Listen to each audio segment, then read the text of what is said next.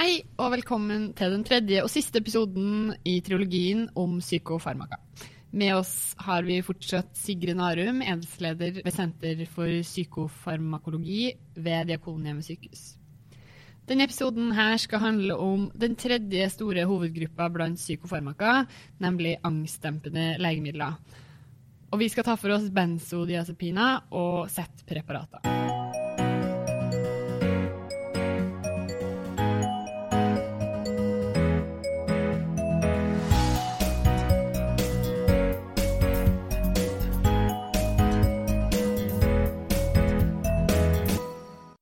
Frykt for en fare som ikke er reell. Omtrent alle mennesker opplever angst en gang i livet.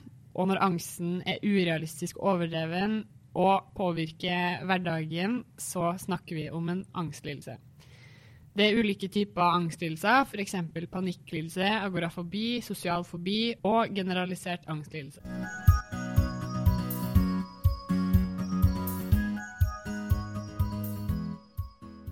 I forhold til angst så lærte i hvert fall vi litt om denne angstsirkelen, som vi tenker kanskje sånn for å introdusere litt hva, hva det innebærer med angst. Eh, Kan du si litt om den? Ja, um, og, og det jeg forstår, det er jo interessant. ikke sant? Angst det er på en måte vi, vi snakker om ikke sant? Irrasjonal, ir, irrasjonell frykt, ikke sant? Øhm, som gjør at uh, når noe er, man får angst, det er vondt, ikke sant? man prøver å unngå det. Eh, og så får man kroppslige reaksjoner, eh, gjerne på angsten. måte Hjertebank og vondt i magen og sånn. Og så øh, handler man deretter, så får man en sånn katastrofetenkning. ikke sant? Dette er forferdelig farlig. Eh, og det vil man ikke oppleve igjen. Eh, da unngår man gjerne situasjonene hvor dette oppsto. Litt sånn angsten for angsten? Da får man angsten for angsten, og det er veldig vanlig. Eh, starter jo ikke sant, med, gjerne med panikk, panikkanfall, ikke sant? fryktelig ubehagelig. Og så på en måte etter hvert så maler man seg opp i et hjørne. Eh, så blir det generalisert angst eh, til slutt. Eh, og, og mye plager. Eh, det finnes jo selvfølgelig mange forskjellige typer angst. eh, og det finnes også mye forskjellige typer behandlinger, selvfølgelig. Eh, til forskjell fra liksom, Vi har snakket om antidepressive midler, vi har snakket om antipsykotiske midler. Eh, med psykoser og depresjoner, så på en måte så er det måte, rådende eh, tankegangen er at med de andre lidelsene så har jo på måte, legemidler en mer eh, definert plass. da. Når vi nå snakker om eh, angstlegemidler, angst, hvordan skal vi behandle denne angsten, eh, så blir det litt mer problematisk når det gjelder legemidler. Ja. Gjør det. ja. Eh, og det er jo fordi at eh, vi har hatt benzodiazepiner i veldig mange år, og de er jo kjempebra og kjempefarlige. Mm. Vi har mange legemidler, ikke sant. Vi har eh, det- diazepam og desmetylmendazepam, oxazepam, eh, flunitrazepam, ja, alprazolam, klonazepam. Mm. Uh, den er litt interessant, for den er definert som et epilepsimedisin.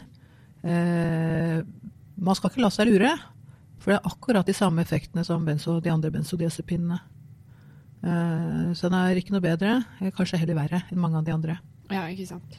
Så um, man må jo her også da, selv om vi hopper ganske raskt opp på medisinene, som du sier, det er mye, mye ikke-farmakologisk behandling her også, som eh, er fryktelig viktig å huske på. Eh, men så, som du sa, eh, vi har benzodiazepiner og SSRI, og så har vi jo snakka om kan eh, bruke å behandle angst. Ja, fordi da benzodiazepinene har vist seg å være problematiske, og det er sånn eh, bruke feilmetoden, ikke sant, brukt fra 60-tallet oppover. Eh, det har vist seg at det gir mer problemer for brukeren over tid. Eh, og nå snakker vi igjen om toleranseutvikling, altså behov for høyere doser, ikke sant, for å unngå den angsten du hadde tidligere.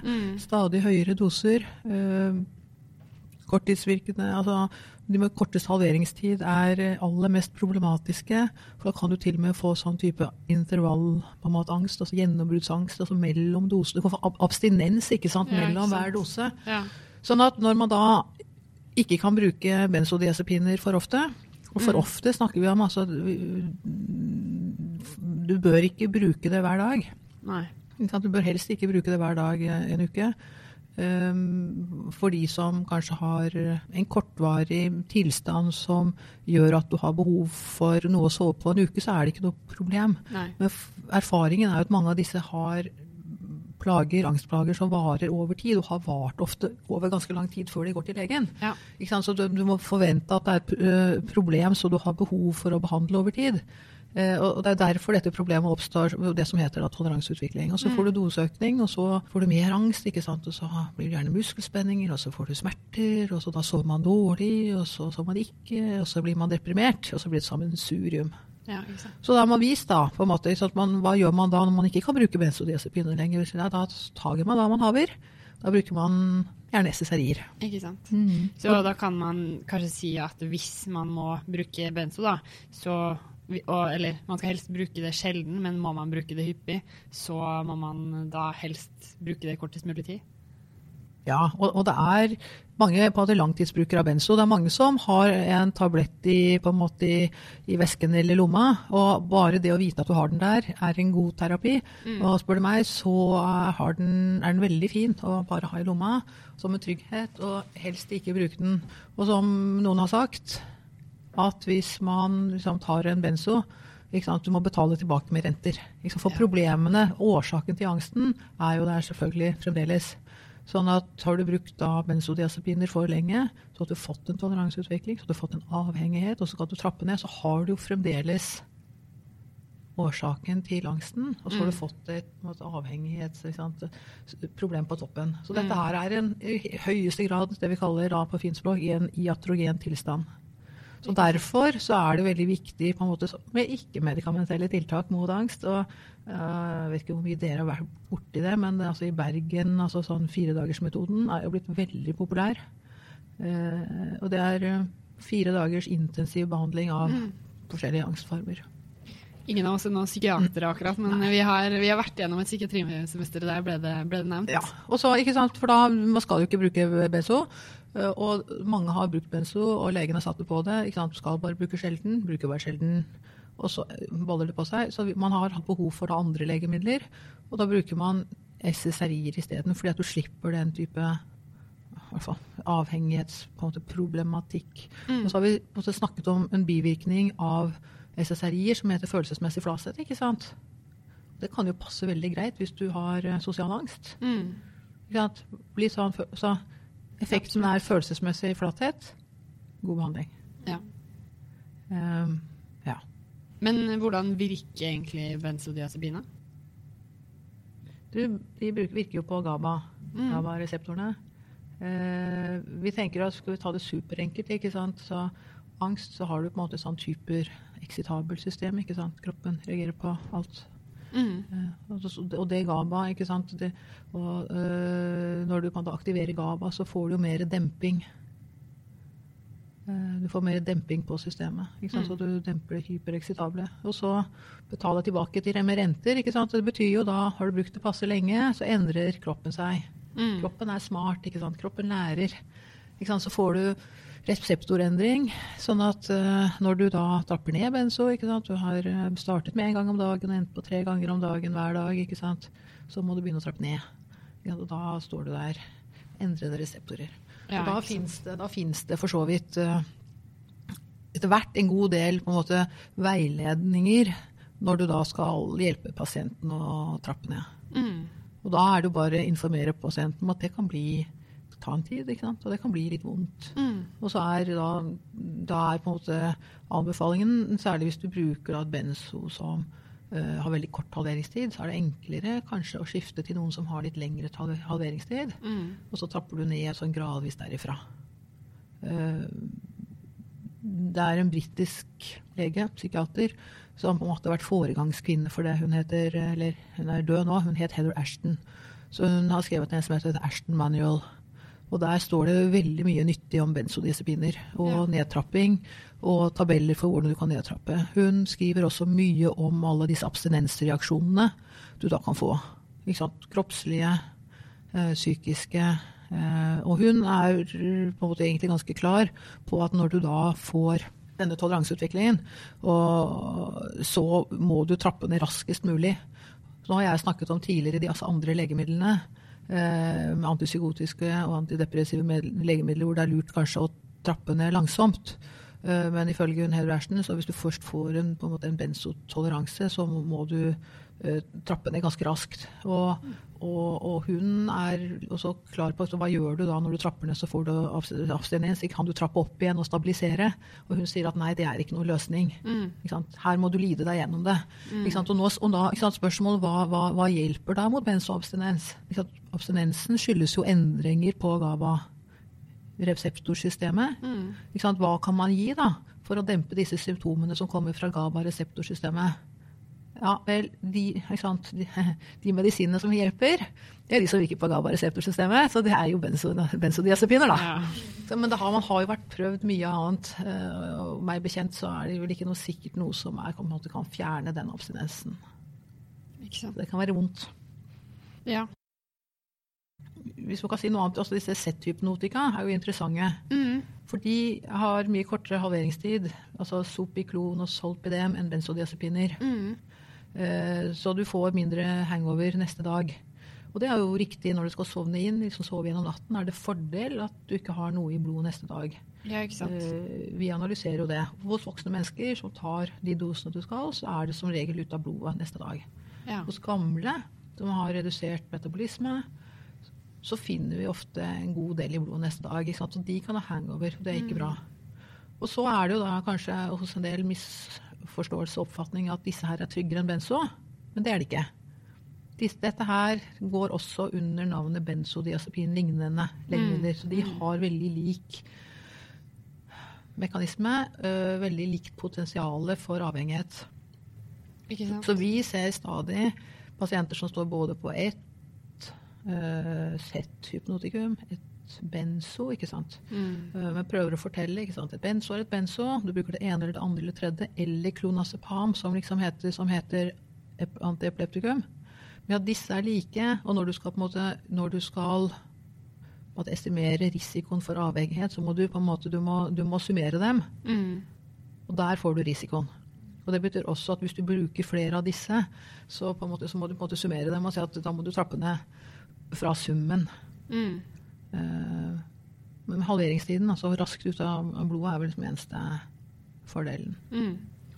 Så da har du jo nevnt at det har en angstdempende effekt og sedativ effekt. Eh, ser man andre effekter av benzo? Ja. Eh, brukes kanskje ikke så mye nå, men også muskelrelakserende effekt. Mm.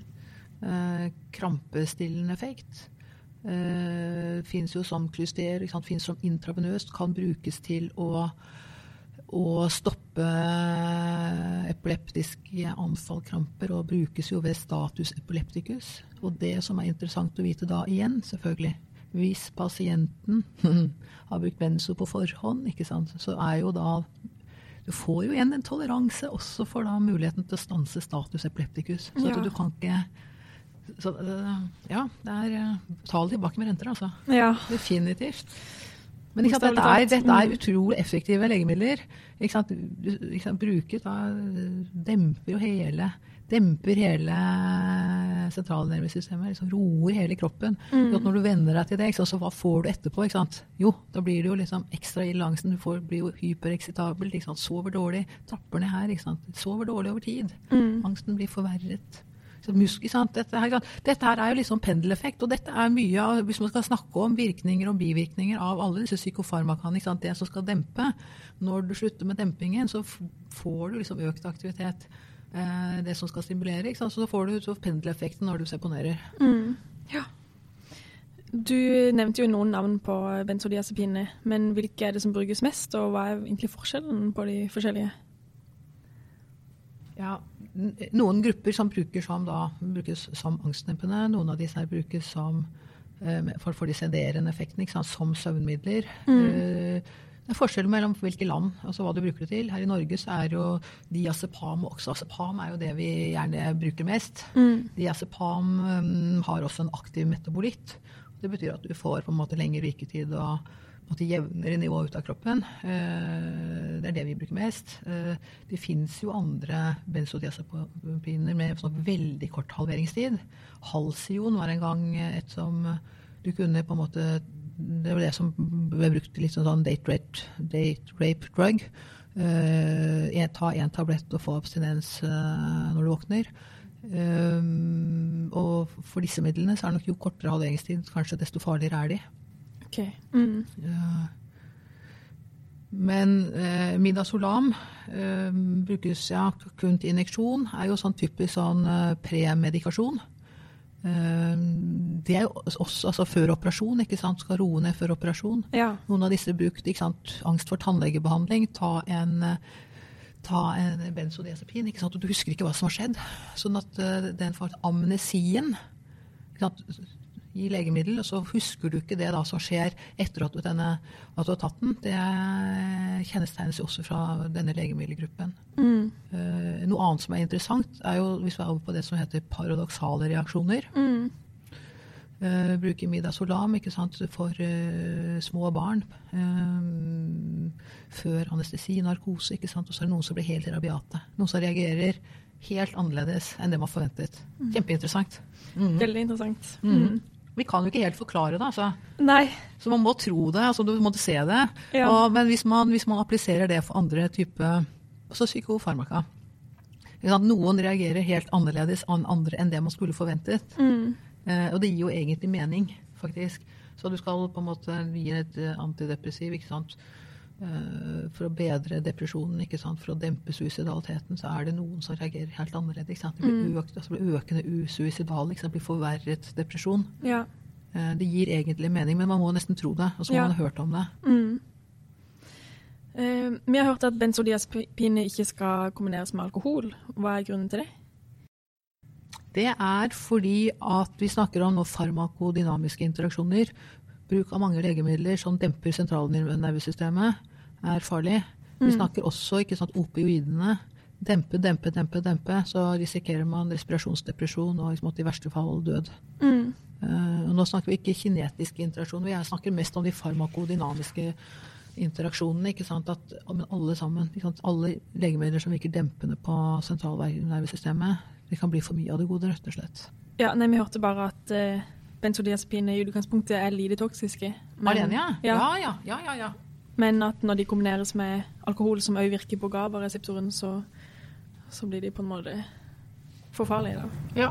Ja. Vet du Jeg husker ikke helt, eh, jeg husker ikke, jeg vet ikke helt på en måte, akkurat på en måte, virkningsmekanismen på de to sammen, men da benzo alene er, ja, benzo alene er eh, veldig lite toksisk. det, Altså. Ja. Ja, ja. Mm. Men det er jo kombinasjonen. Ja. Ja. Mm. Fins det noe antidot man kan gi hvis denne kombinasjonen uheldigvis forekommer? Ja, da kan man bruke flumacenil. Det finnes på en måte til eh, injeksjon eller infusjon. ikke sant? Så dette er typisk når pasienter kommer inn i et akuttmottak. ikke sant? Mm. Eh, ikke kontaktbare, ikke sant? så at du bruker det. Det finnes ikke noe som noen tabletter. Men kan reversere. Mm. Mm.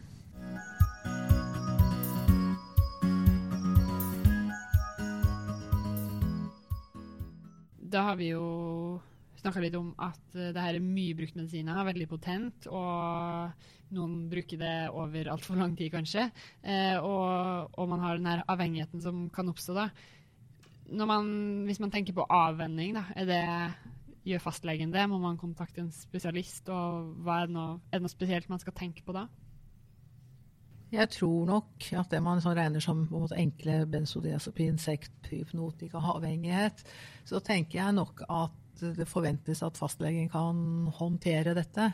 Jeg tror vel altså Vi har jo fått selvfølgelig en, en spesialitet som heter rus- og avhengighetsmedisin. Eh, men jeg er veldig usikker på om de synes de har kapasitet til å trappe ned alle disse. Eh, Det er jo pasienter som, som må trappes ned over noe tid så det, og, og kan forventes å ha en del plager. sånn at det er viktig med måte, tett og god oppfølging fra en, fra en fastlege. Eh, mye av de som trapper ned på, måte, på sykehusavdeling og, og, og sånn, har, mm, bruker mer legemidler og, og trapper da ned måte, raskere med flere midler. Um, her i Oslo så finnes det jo en del klinikker som uh, driver med måte nedtrapping fra alkohol og en del andre midler. En del av de har vært en del altså benzodamer, hvis man kaller, det det. da. Dame. godt voksne kvinner som av, har blitt uh, avhengig av benzodiazepiner, har vært på en del av de klinikkene med, men de føler seg ikke De føler på en måte ikke at de har så mye felles da, med de gamle, mange de som har brukt alkohol veldig lenge. Så det er ikke så sikker på at de føler at det er stedet for dem.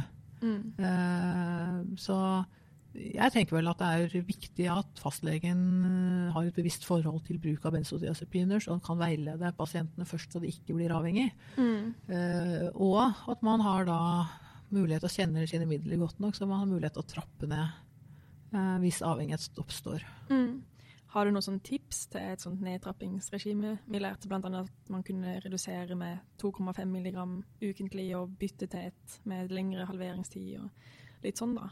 Ja, det kan du gjøre. Og det fins jo altså Nå har jo mange av universitetssykehusene på en måte har jo en del veiledere i forskjellige fag på en liggende på, på nett. Eh, Jeg nevnte også eh, Heather Ashton. Eh, der ligger det en sånn manual som ligger gratis også på nett, også på enten dansk eller norsk. Eh, sånn at Der kan man få en veiledning hvis du da bruker et benzodiazepin med kort halveringstid, eller sånn som Sopiglon Solpidem, og så kan du konvertere til da diazepam.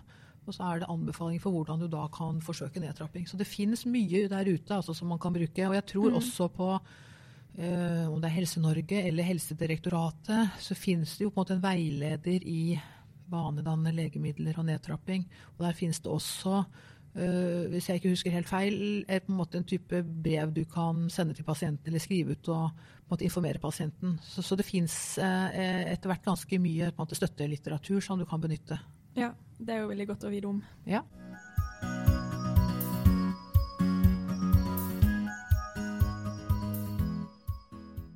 Da har vi kommet til veis ende. Er du klar for en liten oppsummering, Malin? Oppsummert kan vi si at angst er frykt for en fare som ikke er reell. Kognitiv atferdsterapi og eksponeringsbehandling er det viktigste i behandlinga, og har trolig bedre effekt enn medikamentell behandling ved de fleste angstlidelser, og gir også lavere risiko for tilbakefall. Medikamenter brukes først og fremst ved alvorlig angstlidelse, og da brukes SSRI og benzodiazepiner. Benzodiazepiner har god effekt, men pga. risikoen for avhengighet, misbruk og smertefulle abstinenser skal de prøve å unngås, og helst ikke brukes over 14 dager i strekk. Benzo virker ved å øke åpningsfrekvensen av GABA-klor-ionekanalen, sånn at nevronet hyperpolariseres. De virker dermed angstdempende, sedativ og krampestillende og muskelrelakserende. Benzodiazepiner er lite toksisk fordi de ikke kan virke med mindre man har endogent GABA til stede, men kan bli toksisk i forbindelse med alkohol fordi etanol også virker på GABA-reseptoren, og de vil dermed potensiere hverandre. De mest brukte legemidlene varierer fra land til land, men valium med lang virketid eller Sobril med middels virketid er veldig mye brukt. Benzo må seponeres sakte, og det finnes egne nedtrappingsregimer der legemiddelet har blitt brukt i lang tid. Hypnotika og Z-preparater regnes også som eh, benzodiazepiner. De virker også på GABA-A-reseptoren, men selektivt på alfa-1-subenheten. De her gir derfor hovedsakelig sedativ virkning, og kanskje noe eh, mindre risiko for avhengighet enn andre benzodiazepiner. De er førstevalg som innsovningsmedisiner, og legemiddelnavn det er lurt å merke seg her, er Solpidem eller Stilnoct og Sopiklone, eller bedre kjent som Imovane. Takk for at du ville komme til oss og lære oss mer om dette temaet, Sigrid. Og tusen takk til alle dere som har hørt på oss. Hvis dere har noen spørsmål, så er det bare å ta kontakt. Vi høres igjen. Ha det bra.